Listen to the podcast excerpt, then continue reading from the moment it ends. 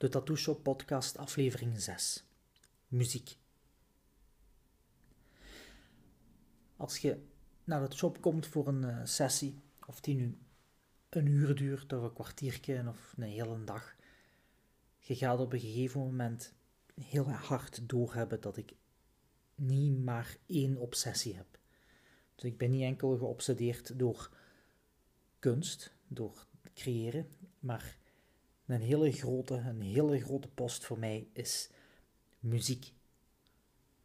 Ik speel zelf een beetje muziek op wat verschillende instrumenten, maar um, muziek is in heel mijn leven eigenlijk een leidraad geweest, een, een algemene noemer of algemene deler. Allebei.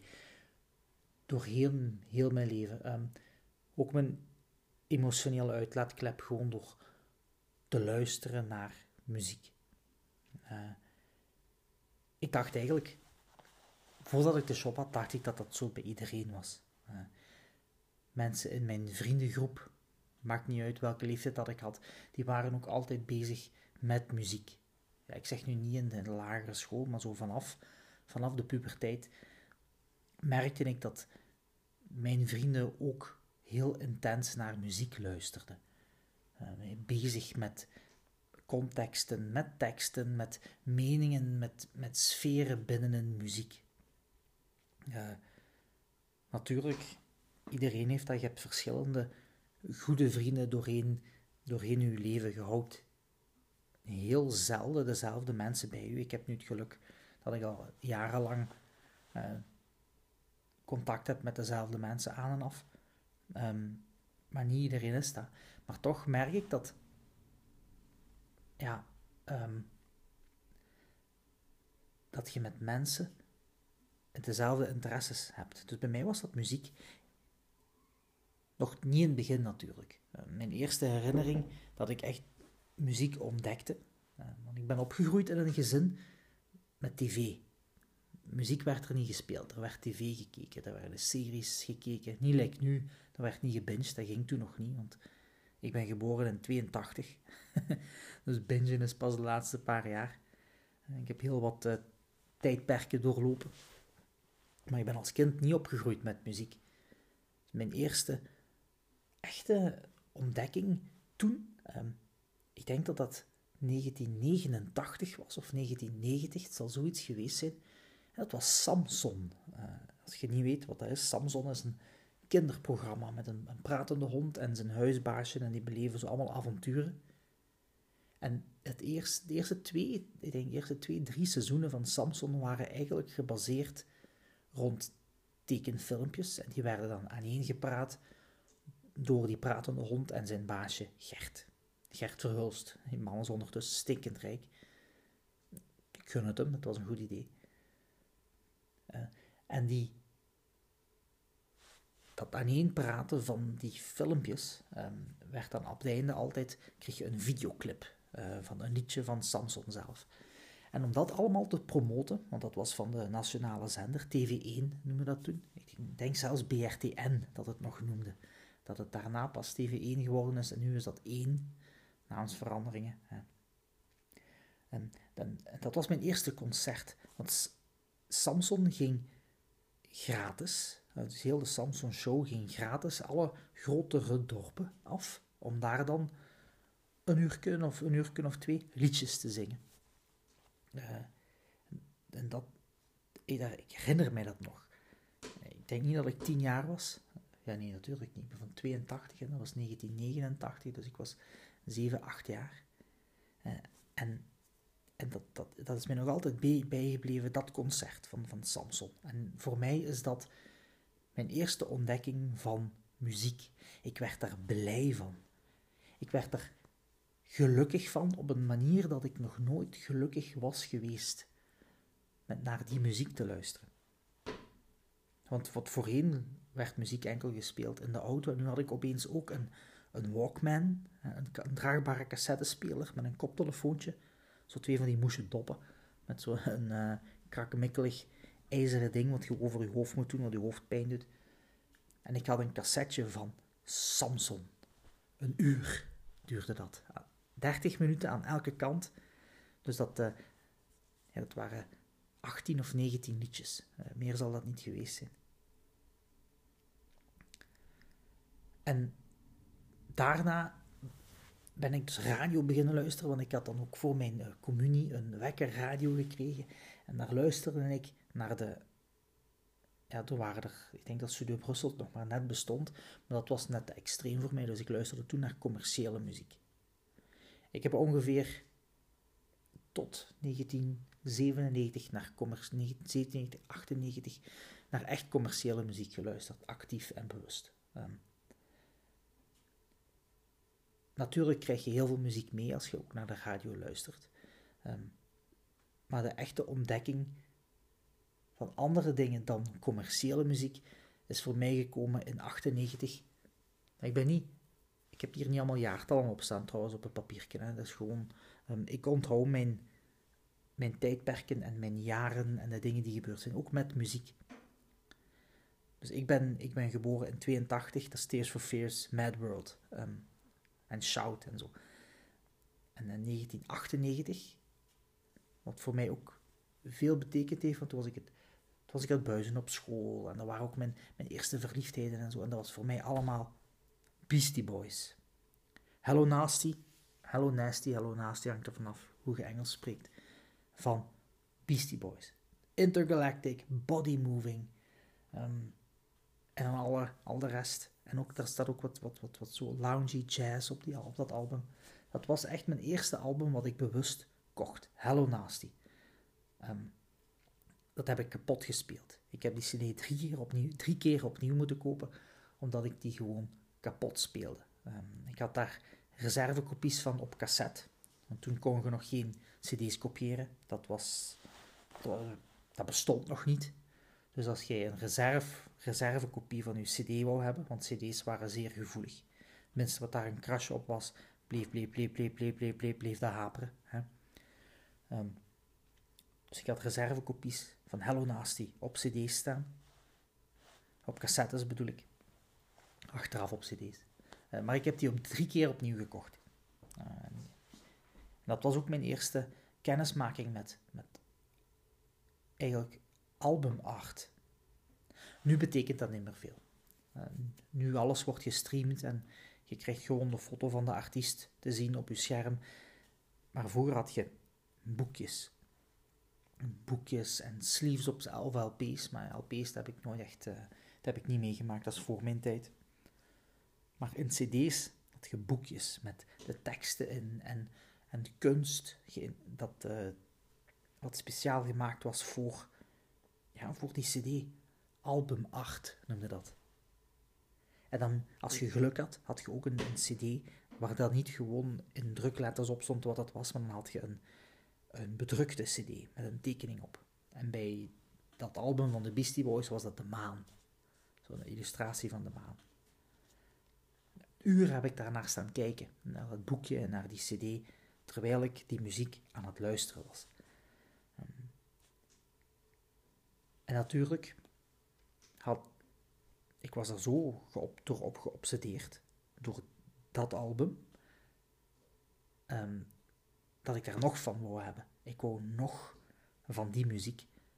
Dus ben ik heel de catalogus van Beastie Boys beginnen kopen. Toen kon je nog geen cd's uitlenen. Internet bestond nog niet of stond in zijn kinderschoenen. Dus muziek downloaden dat was ongehoord. Dat, niet, niet ongehoord, gewoon nog nooit van gehoord. Dat bestond niet. Um, je kon wel cd's lenen van vrienden.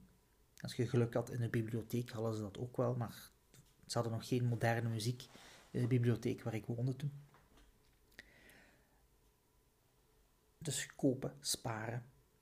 En dan al mijn zakgeld, alles wat ik geregeld kreeg, ging naar het aankopen van die cd's. En dan kom je andere cd's tegen natuurlijk. Toen had je winkels, speciaal toegewijd aan muziek te verkopen. Dat bestaat nu ook niet meer. Nu heb je mediawinkels, waar voornamelijk games worden verkocht en misschien ook muziekdragers of iets waar een film op staat, Blu-ray of, of DVD. Maar toen had je winkels met bakken vol met muziek. En daar werd ook muziek gespeeld. En ik weet nog dat ik, ik ging um, Licensed to Ill van uh, Beastie Boys ging kopen. Ik had daarvoor gespaard. Ik had mijn 750 frank, had ik bijeen. Wacht, 750 frank, dat zal net geen 20 euro zijn. Ja, juist geen 20 euro, ik denk 19 euro. Um, voor die cd te kopen en ik kwam de muziekwinkel binnen. En ik hoorde gitaren. Ja, Beastie Boys maakten ook punk, punkmuziek, punkrock. Dus ik, ik, ik, kende wel wat van, van gitaarmuziek. Maar die gitaren waren zwaar en diep en dreunend en duister. Het was eind jaren 90, bijna 2000. En dat was mijn introductie, introductie tot metal. Uh, als je mij kent, weet je dat ik nog altijd een grote obsessie heb voor metal. metal, metal, metal, metal. Um, en dat was Korn, wat ik hoorde. Wow, Korn. Wat was dat? Um, ik was persoonlijk ook me meer emotioneel aan het ontwikkelen. Uh, ik voelde me meer niet goed dan wel goed. En die teksten, die emotie sprak mij aan. Um, ja, ik denk dat iedereen dat wel heeft. Dat je, dat je als je in je emotionele ontwikkeling zit, dat je dat koppelt aan muziek. Uh, ik ben nooit uitgegaan, maar als ik praat met mensen die fel naar discotheken zijn gegaan, die, die uh, de rave community hebben meegemaakt, of mensen die nu nog uh, naar illegale feestjes gaan en zo, die echt in die leeftijd zitten van emotionele ontwikkeling, dat, je zit eraan gebonden. Dat is verwoven met u. En, en ik had dat met metal. Door de jaren ben ik ook wel natuurlijk uh, meer hip-hop beginnen luisteren. Cypress Hill was al in het begin, A Tribe Called Quest. Niet veel gangsterrap, NWA wel, maar niet veel gangsterrap. Uh, ja, natuurlijk 2001, 2001 van Dr. Dre. Uh, als je dat niet kent, ga dat luisteren. Als je niet voor, voor um, vloekende zwarte mannen bent, maakt niet uit. Ga dat luisteren. Dat is een van de beste albums van die tijd. Uh, maar hip-hop en alles is altijd aan de zijlijn geweest. Mijn primair ding wat ik luisterde toen en nu nog steeds zijn gitaren. Dat is geëvolueerd. En ik zeg altijd dat ik opgegroeid ben met Korn, Limp Bizkit en System of a Down. Dus ook um, Korn van Korn, A Significant Other van Limp Bizkit en System of a Down van System of a Down. En Toxicity van System of a Down natuurlijk ook. Um, dat is voor mij het beste album aller tijden. Er is niks beter dan Toxicity van System of a Down. Ik mag in deze podcast geen muziek laten luisteren door, laten horen door rechten. Um, dus schrijf alles op, ga dat opzoeken. Heel die tijd, zo begin 2000, ging ik ook naar festivals en leerde ik meer muziek kennen van de meer, meest, meer genres en zo. en toen zijn we, hebben we gebouwd. Toen hebben we gebouwd. Toen ben ik beginnen werken. En toen kwam ik geen nieuwe muziek meer tegen.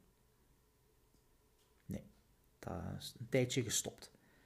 Eh, ik ging wel werken en op het werk werd gelukkig Studio Brussel gedraaid. Toen voor mij was dat gelukkig, want ik luisterde naar alternatieve muziek. En zoveel jaar geleden draaiden ze dat op Studio Brussel. Nu is dat een commerciële zender, maar toen was dat alternatiever.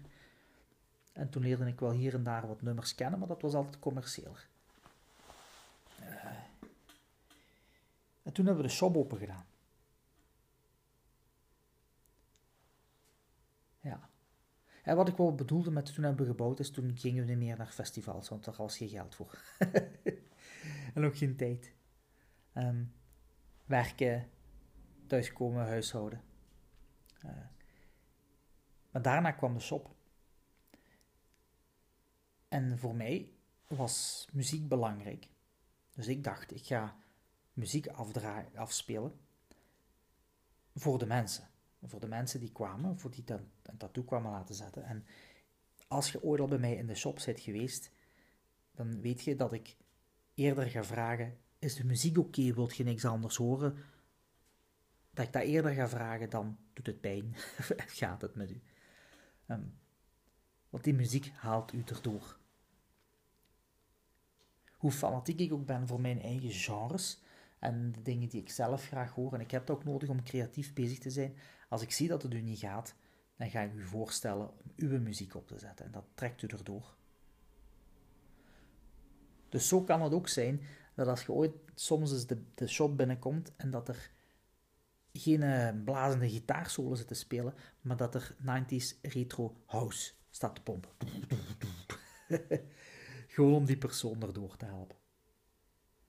En een verandering in sfeer, een verandering in emotie in de muziek kan een verandering in pijntolerantie en doorzettingsvermogen teweegbrengen bij degene die getatoeëerd wordt.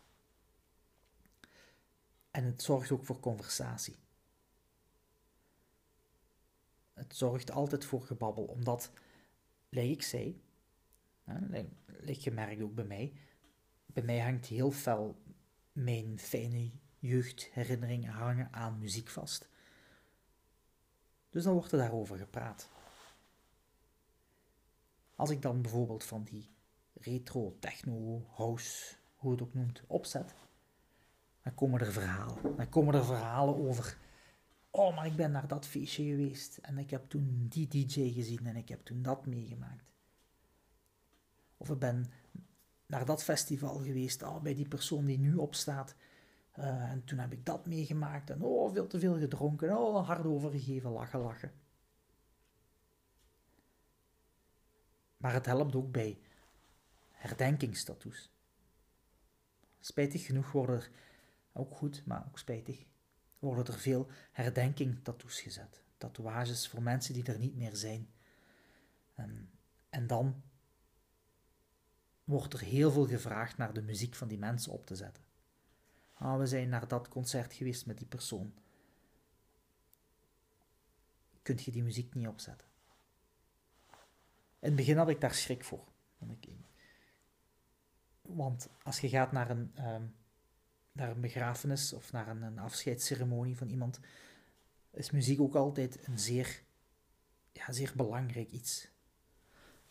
En dan had ik schrik dat, dat als ik muziek zou opzetten tijdens een herdenkingstatoe van een pas overleden persoon, dat er dan net heel veel negativiteit rond zou zijn. Maar ja, niks is minder waar.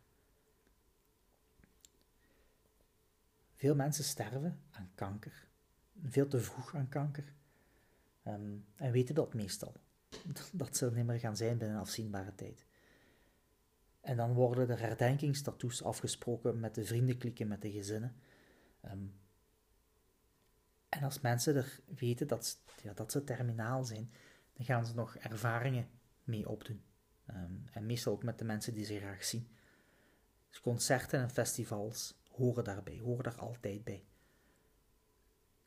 En als je dan die herdenkingstatoe zet van de persoon die ondertussen overleden is, en de muziek wordt opgezet van dat laatste concert, dan is het niet van, oh en ik mis die zo, en het is spijtig dat er niet meer is. Nee, is, en toen deed hij dit, en toen werd er daarover gestruikeld, en weet je nog, toen waren we onze schoenen kwijt, en dan wordt die herdenkingstatoe van iemand die er niet meer is, dat verdrietig ding wordt dan opeens een, een manifestatie, een permanente stempel van die fijne momenten.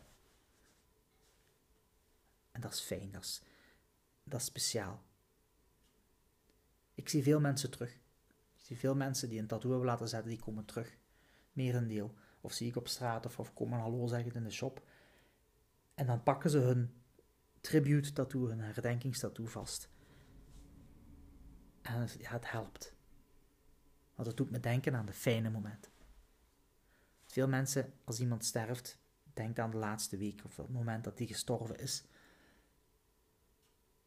En die herdenkingstattoo met dan de muziek die werd afgespeeld en de anekdotes die werden verteld door de trigger van die muziek, is dan opeens een baken van licht. Ja, dat is tof, dat vind ik fijn. Dat ik wat mensen kan meegeven. Natuurlijk worden er ook band-tattoos gezet.